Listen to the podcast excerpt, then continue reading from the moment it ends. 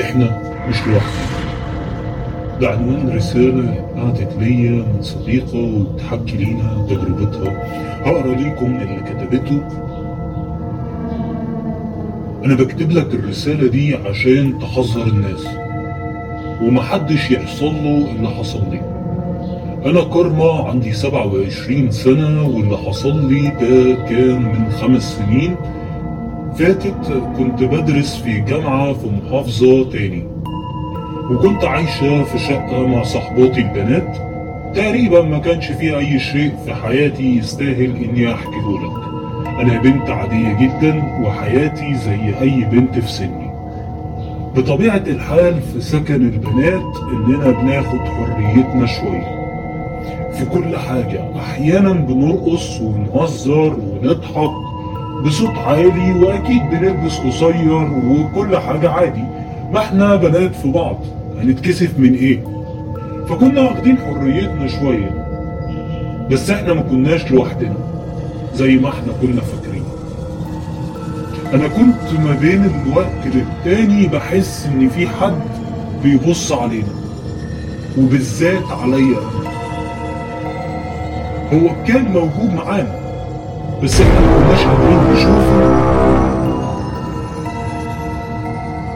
ممكن تقول عليا بخرف وأكيد عايز تعرف مين هو.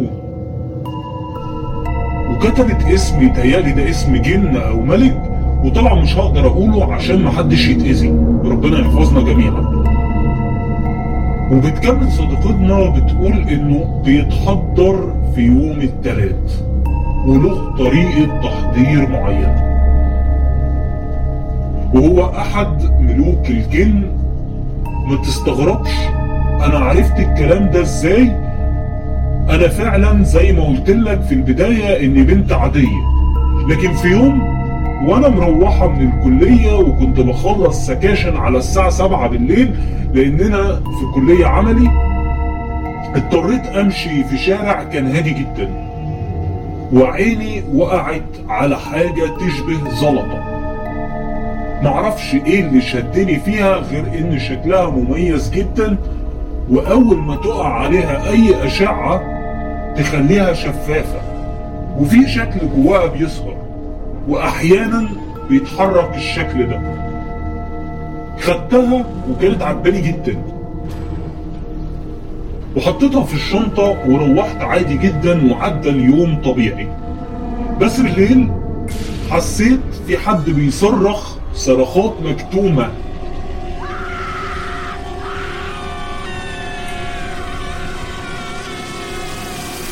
لدرجة إن يوم تبص على البنات اللي معايا كان كله نايم مفيش أي حاجة تسبب الصوت اللي أنا حساه وكنت مميزة إن الصوت ده جوه راسي أنا.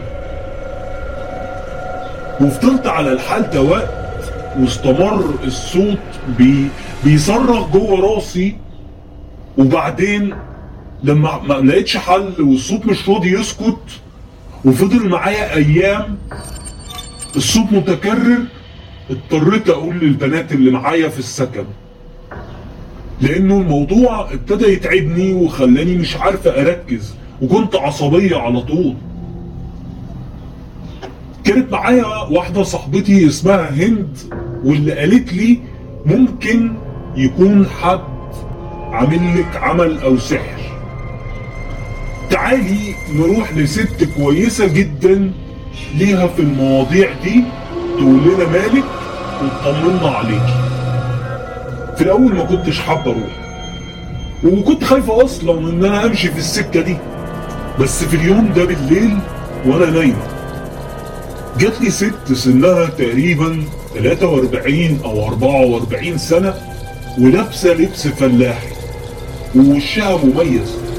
وفضلت تبص لي قوي وبعدين قالت لي تعالي أنا عايزاكي وما تنسيش الزلطة تجيبيها معاكي لأنه عايز يتحرك. صحيت من نومي مش مخضوضة ومش فاهمة إيه الحكاية دي. أو إيه اللي بيحصل لي؟ وكنت مستغربة نفسي إزاي أنا مش خايفة وإزاي مش حاسة بحاجة يعني مش حاسة برعب من الموقف. الموقف فعلا كان غريب انه أشوف حد بال... بال... أشوف حد طالع لي في الحلم بالمنظر ده يعني وما بقاش مرعوبه كان بالنسبة لي فعلا الحكاية دي غريبة جدا لأن أنا بخاف من خيالي أصلا. وما أعرفش أول ما جه الصبح وشفت هند قلت لها أنا عايزة أروح معاكي للست اللي تعرفيها. وهند فعلا كلمت صاحبتها اللي تعرف الست دي وحددوا لينا ميعاد في نفس اليوم إننا نروح نقابلهم اتردد جوايا من وقت ما عرفت إننا هنقابل الست دي إنها من قرية اسمها محلة بشر. طبعا أنا الاسم ده كان أول مرة في حياتي يعدي عليا. واصلا ما أعرفش فين القرية دي ولا أعرف أي حاجة عنها. وبسبب الفضول دخلت على النت أشوف إيه هي قرية محلة بشر ولقيت إن دي قرية الصحراء. وإن القرية دي مشهورة جدا بالناس اللي بتعمل أعمال وليها علاقة بالعالم السفلي والسحر وعالم الجن.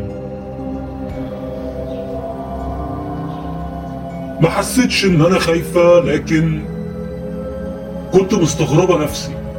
إزاي هروح أقابل واحدة آه، معروفة بإنها ليها علاقة بعالم الجن وعالم الأرواح وأنا مش عارفة. المهم لما جه الميعاد حسيت وأنا بتحرك إن في جيش حواليا. معرفش أنا مش لاقي تعبير تاني غير إن أنا أقول لك أنا حسيت إنه جيش. هو كان في حاجة حواليا كان في كان في زحمة معايا. وحسيت إنه إنه في حاجة غريبة. عارف لما تبقى في وسط مكان مسحوم قوي وحواليك ناس من كل ناحية أهو ده اللي أنا حاساه بالظبط بس ما كانش في حد معايا. المهم وصلت عندها. المهم وصلت الكافيه اللي إحنا كنا هنتقابل فيه ولقيتها هي اللي جات لي في الحلم بالظبط. طبعا وقفت مصدومة وأنا واقفة مش عارفة أسلم عليها ولا على صاحبة هند كنت متصلبة في الأرض مش عارفة أتحرك مش مش عارفة أستوعب أصلا الموقف من الخضة. ولقيتها هي بتقرب عليا وبتبص لي وبتبص حواليا وبتسلم على كائنات وهي بتبص حواليا. وبتقول أسامي وأنا مش فاهمة أي حاجة. وفجأة لقيتها بتقول لهم هتحرره وهيخدمها ما تخافوش. أنا معرفش لما بصيت لها قلت لها أنت من قرية محلة البشر. ضحكت وقالت لي هم قالوا لك؟ أيوه أنا من قرية الألف ساحة اتصدمت هند وصاحبتها وحسوا إن في حاجة غريبة. وبعدين هي بصت لهم وطلبت منهم يسيبوها. راحت هند وصاحبتها سابوا الترابيزة اللي كنا قاعدين عليها وراحوا قعدوا على ترابيزه بعيد من غير ما حد منهم ينطق. كلمة واحدة حتى. وبصت لي قوي وقالت لي بصوت خشن ادخلي الحمام وهاتي فوطك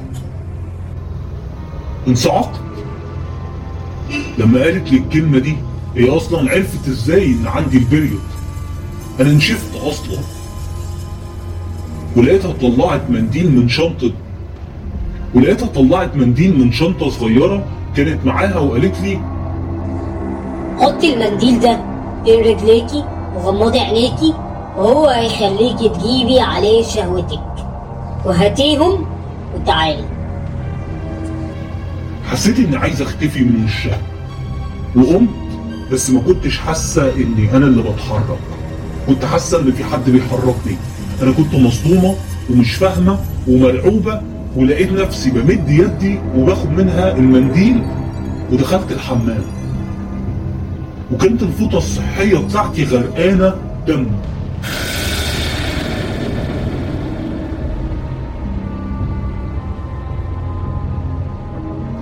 مع إني كنت في آخر يوم من أيام البيريود ومش طبيعي ينزل مني كل الدم ده في اليوم الأخير. وكان لون الدم غامق وغريب وريحته وحشه لدرجة خنقتني قوي شلت الفوطة وحطيتها في كيس جوه شنطتي ومعرفش إزاي فعلا حطيت المنديل اللي قالت لي عليه بين رجلي. وغمضت عينيا وما حسيتش بنفسي غير وأنا بتنفض وحاسة بمشاعر غريبة جدا جنسية واترعشت. الرعشة الجنسية رعشة النشوة وجبت شهوتي بشكل عمري ما جبت المنظر ده قبل كده دي نافوره خارجة مني. وكنت حاسة قوي برحمي بيتفتح وبيتقفل. وكانت دي أول مرة يحصل لي كده فعلا. أول مرة أنزل بالكمية دي. وببص أدركت اني ما بقتش بنت معرفش إزاي ده حصل لكن المنديل كان جوه مني وكان عليه دم ذكرتي وشهوتي. وحسيت برعشة مرة تاني لما أدركت اللي حصل. بس كان عندي تبلد في مشاعري بشكل رهيب ما كنتش ما كنتش قادر أتألم. أنا مخي حاسس بالمصيبة بس ما كنتش قادر أحس بمشاعري إن أنا فعلا في مصيبة. وخرجت من الحمام ولسه هقول لها اللي حصل؟ ضحكت وقالت لي معلش كان لازم عشان نقدر نحرره وكنت حاسة وأنا قاعدة بوجع كأني مارست الجنس وأنا مش عارفة إيه اللي حصل ولا إزاي فقدت بكارتي ومش حاسة بندم وأنا أصلا في مصيبة ومصيبة أكبر الست دي. بس كنت متبلدة قوي وده خلاني أستغرب نفسي جدا. الست الغريبة دي حطت يدها في شنطتي وطلعت الزلطة وأنا كنت أصلا نسيتها. وقالت لي كده كل حاجة جهزت. الليلة هيكون معاكي. وحلو إن الليلة هي ليلة التلات ليلة الملك اللي اختار لك الخدمة دي. ما كنتش عارفة أتكلم وما كنتش حاسة إني أصلا في الدنيا اللي أعرفها. كنت حاسة إن جسمي في مكان بس روحي مش معاه. معرفش إيه اللي حصل لي المهم خدتني هند وروحنا وما اتكلمناش خالص طول الطريق. روحت وقعدت على سريري وفضلت قاعدة بس كنت شايفة حاجات مش في الزمن ده. أحداث وحروب وأشخاص.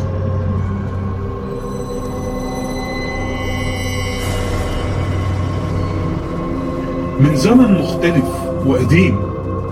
كنت شايف حاجات كتيرة بس مش عارفة أستوعب أي حاجة.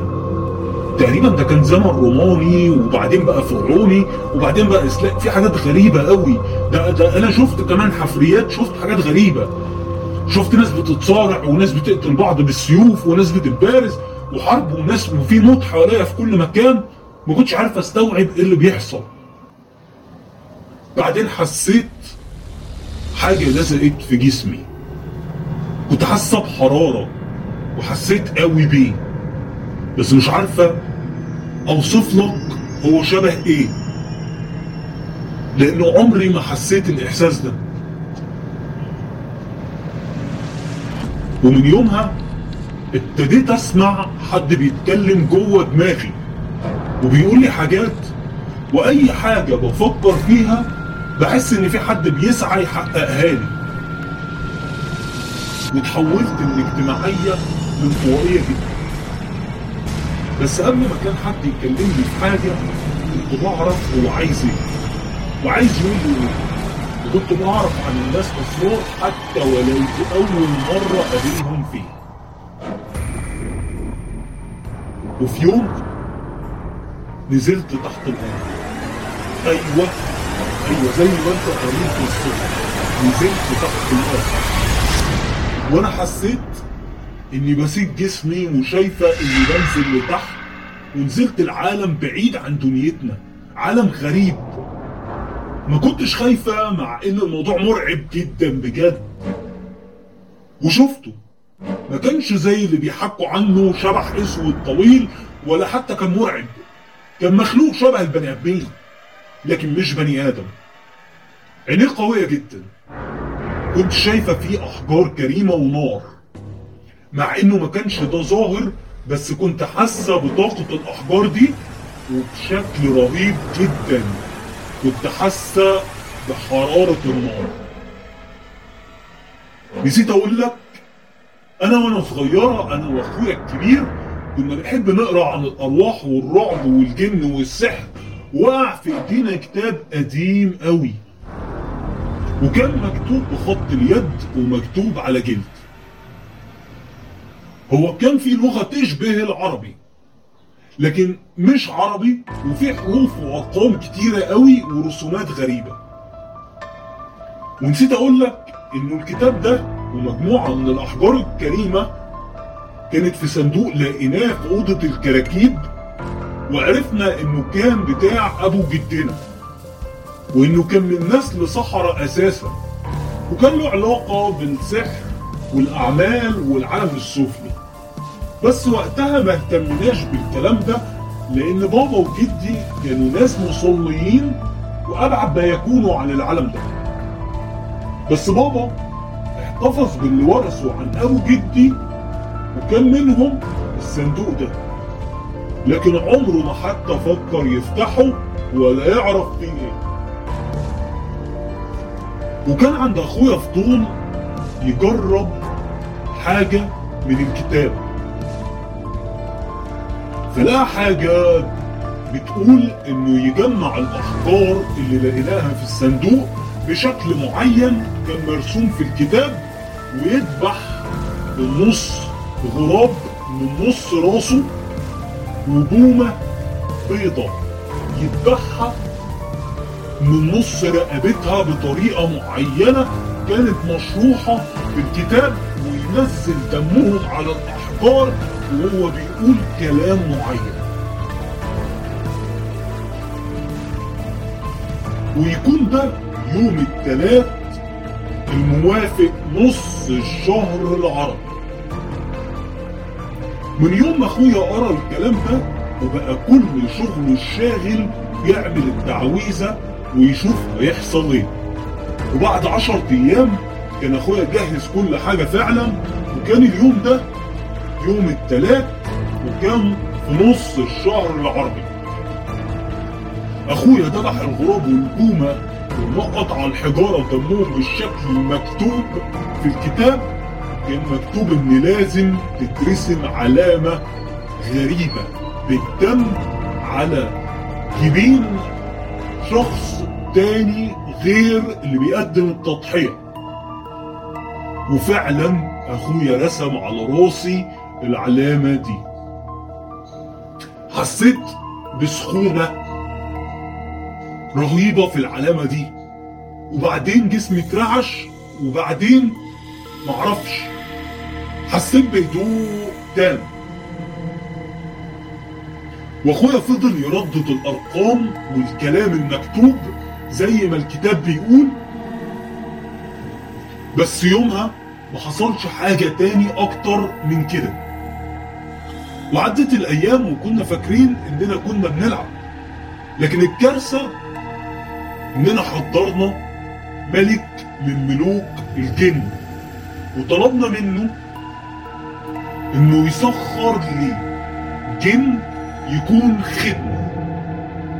ودي كانت التعويذة اللي قالها أخويا. والأحجار والتقدمة كانوا عشان نحضر ملك الجن. وطبعا لما ما حصلش حاجة نسيت أنا وأخويا الحكاية دي خالص. لكن الملك ده منسيش. وفضل يجهزني عشان أقبل الخدمة اللي اختارها لي. وكنت بحس بيه وأنا في السكن مع البنات برقص انه واقف بيبص عليا. وفي كل مرة كنت ببقى لابسة لبس بحرية شوية كنت بحسه موجود وبحس بنفسه. بس ما كنتش باخد بالي وما كنتش بدي اهتمام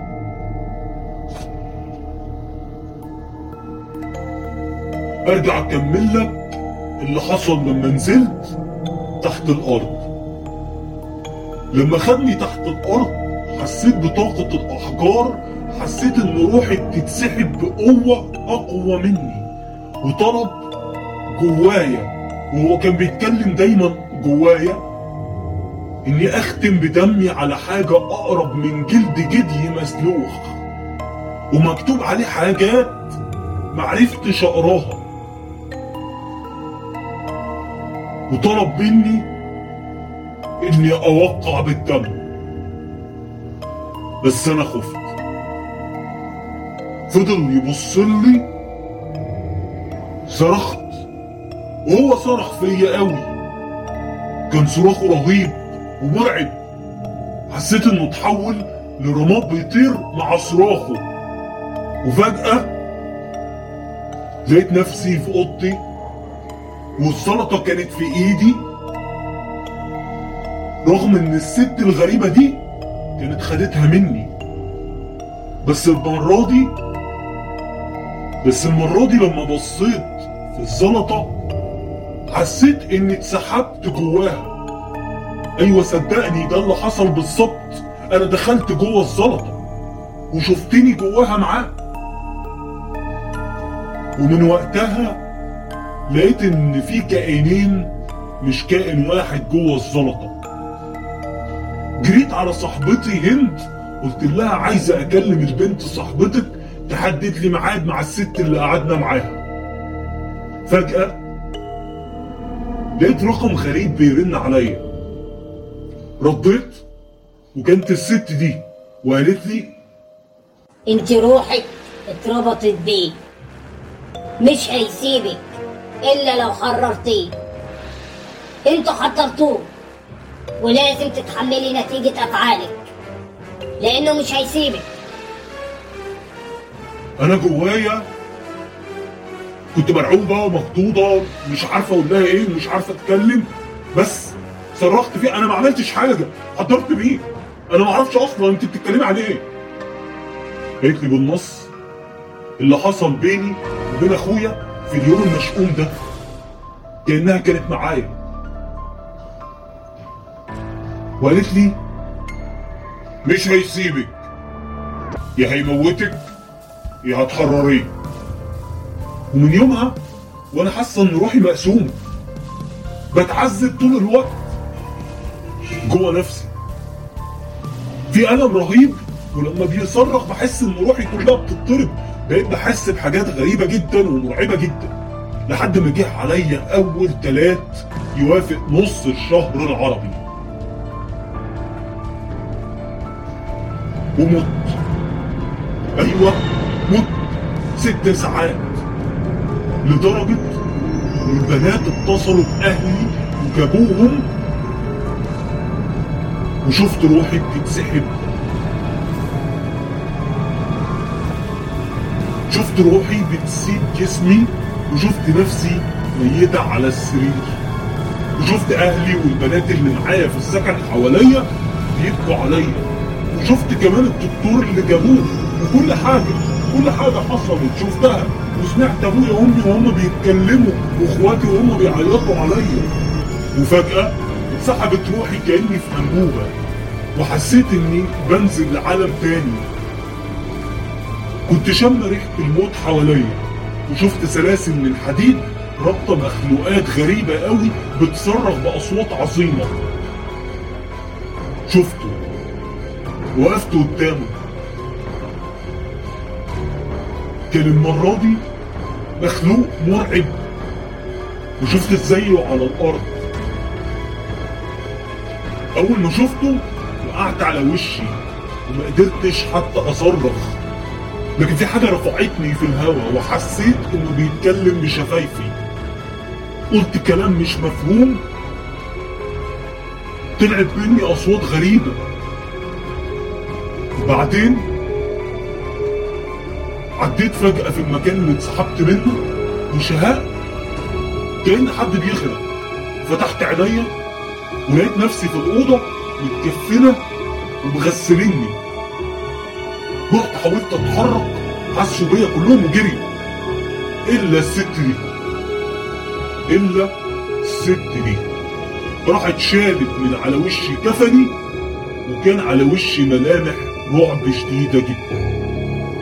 اتصلوا بالدكتور اللي قال لهم دي حالة نادرة جدا بتحصل قليل جدا. إن نبض القلب يهدى لدرجة إنه يبان الشخص مات بس هو ما ماتش. واحمدوا ربنا إنكم لحقتوها قبل ما تدفن حيه بس أنا مت وشفت الجحيم بجد. وعايز أقول لك وعايز أقول لك إني شفت جدي وهو في حضن مخلوق غريب ومتسلسل هو ومجموعة معاه وكأنهم حتة منه وجواه وبيحسوا بألمه وعذابه وطبعا فضلت مش عارف أتكلم وبسرح دايما في اللي حصل وبشوف كوابيس وأحلام رهيبة. ومش بس أحلام أنا ممكن أبقى صاحية وأشوف شكله وأحس بصراخه وكل حاجة بيحس بيها. وطبعا أهلي ما يعرفوش حاجة وما قدرتش أقول لحد حاجة. ودوني لدكاترة كتير وخدت أدوية كتير بس مفيش حاجة اتغيرت وعلى طول مرعوبة ومش عارفة أتكلم ولا أعيش حياتي. وجابوني شيوخ وناس ليها علاقة بالأعمال والعالم السفلي ومحدش قدر يساعدني. وفضلت السنتين اللي بعدهم بتكلم بس بنطق أسامي. وبعدين يكتشفوا انهم ماتوا موتات بشعة. زي مثلا جوز عمتي نطقت اسمه وبعد ثلاث ساعات اكتشفوا انه عمل حادثة على الطريق بعربيته دخل في عربية كانت محملة أسياخ حديد. دخلت الأسياخ في راسه فصلت راسه عن جسمه. واحد تاني كان جارنا وبعدها بيوم وقع من البلكونة دايخ على الأسلاك بتاعة عمود الكهرباء شنقته والكهرباء سيحت جثته واتكررت الحكاية دي حتى أبويا وأمي كانوا بيتشائموا مني. ودلوقتي ابتديت أرجع لحياتي لكن طبعا حياتي متدمرة ومفيش ليا حل في عذابي ده. أرجوك تقول للناس بلاش أرجوك تقول للناس بلاش تستهون بالكتب القديمة بتاعة السحر. وبلاش تستخدمها لأن أنا حياتي اتحولت لجحيم بسبب حاجة عملتها أنا وأخويا ومفيش أي حل ينقذني من اللي أنا فيه. ودي كانت رسالة صديقتنا ونصيحتها لكل الناس اللي بتسمعنا. ربنا يحفظ الجميع يا رب.